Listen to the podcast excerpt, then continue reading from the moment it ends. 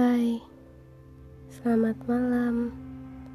Aku adalah orang yang baru saja mendapatkan diagnosa bahwa aku menderita bipolar dengan episode depresi dan gejala psikotik. Berat, iya, berat, tapi bagiku jiwa ini adalah titipan. Jiwa ini bukan milikku. Jiwa ini milik Tuhan. Jadi, seberapapun rusaknya, tetap harus aku bertanggungjawabkan kepada yang memilikinya. Dengan apa? Ya, tentunya dengan ibadah.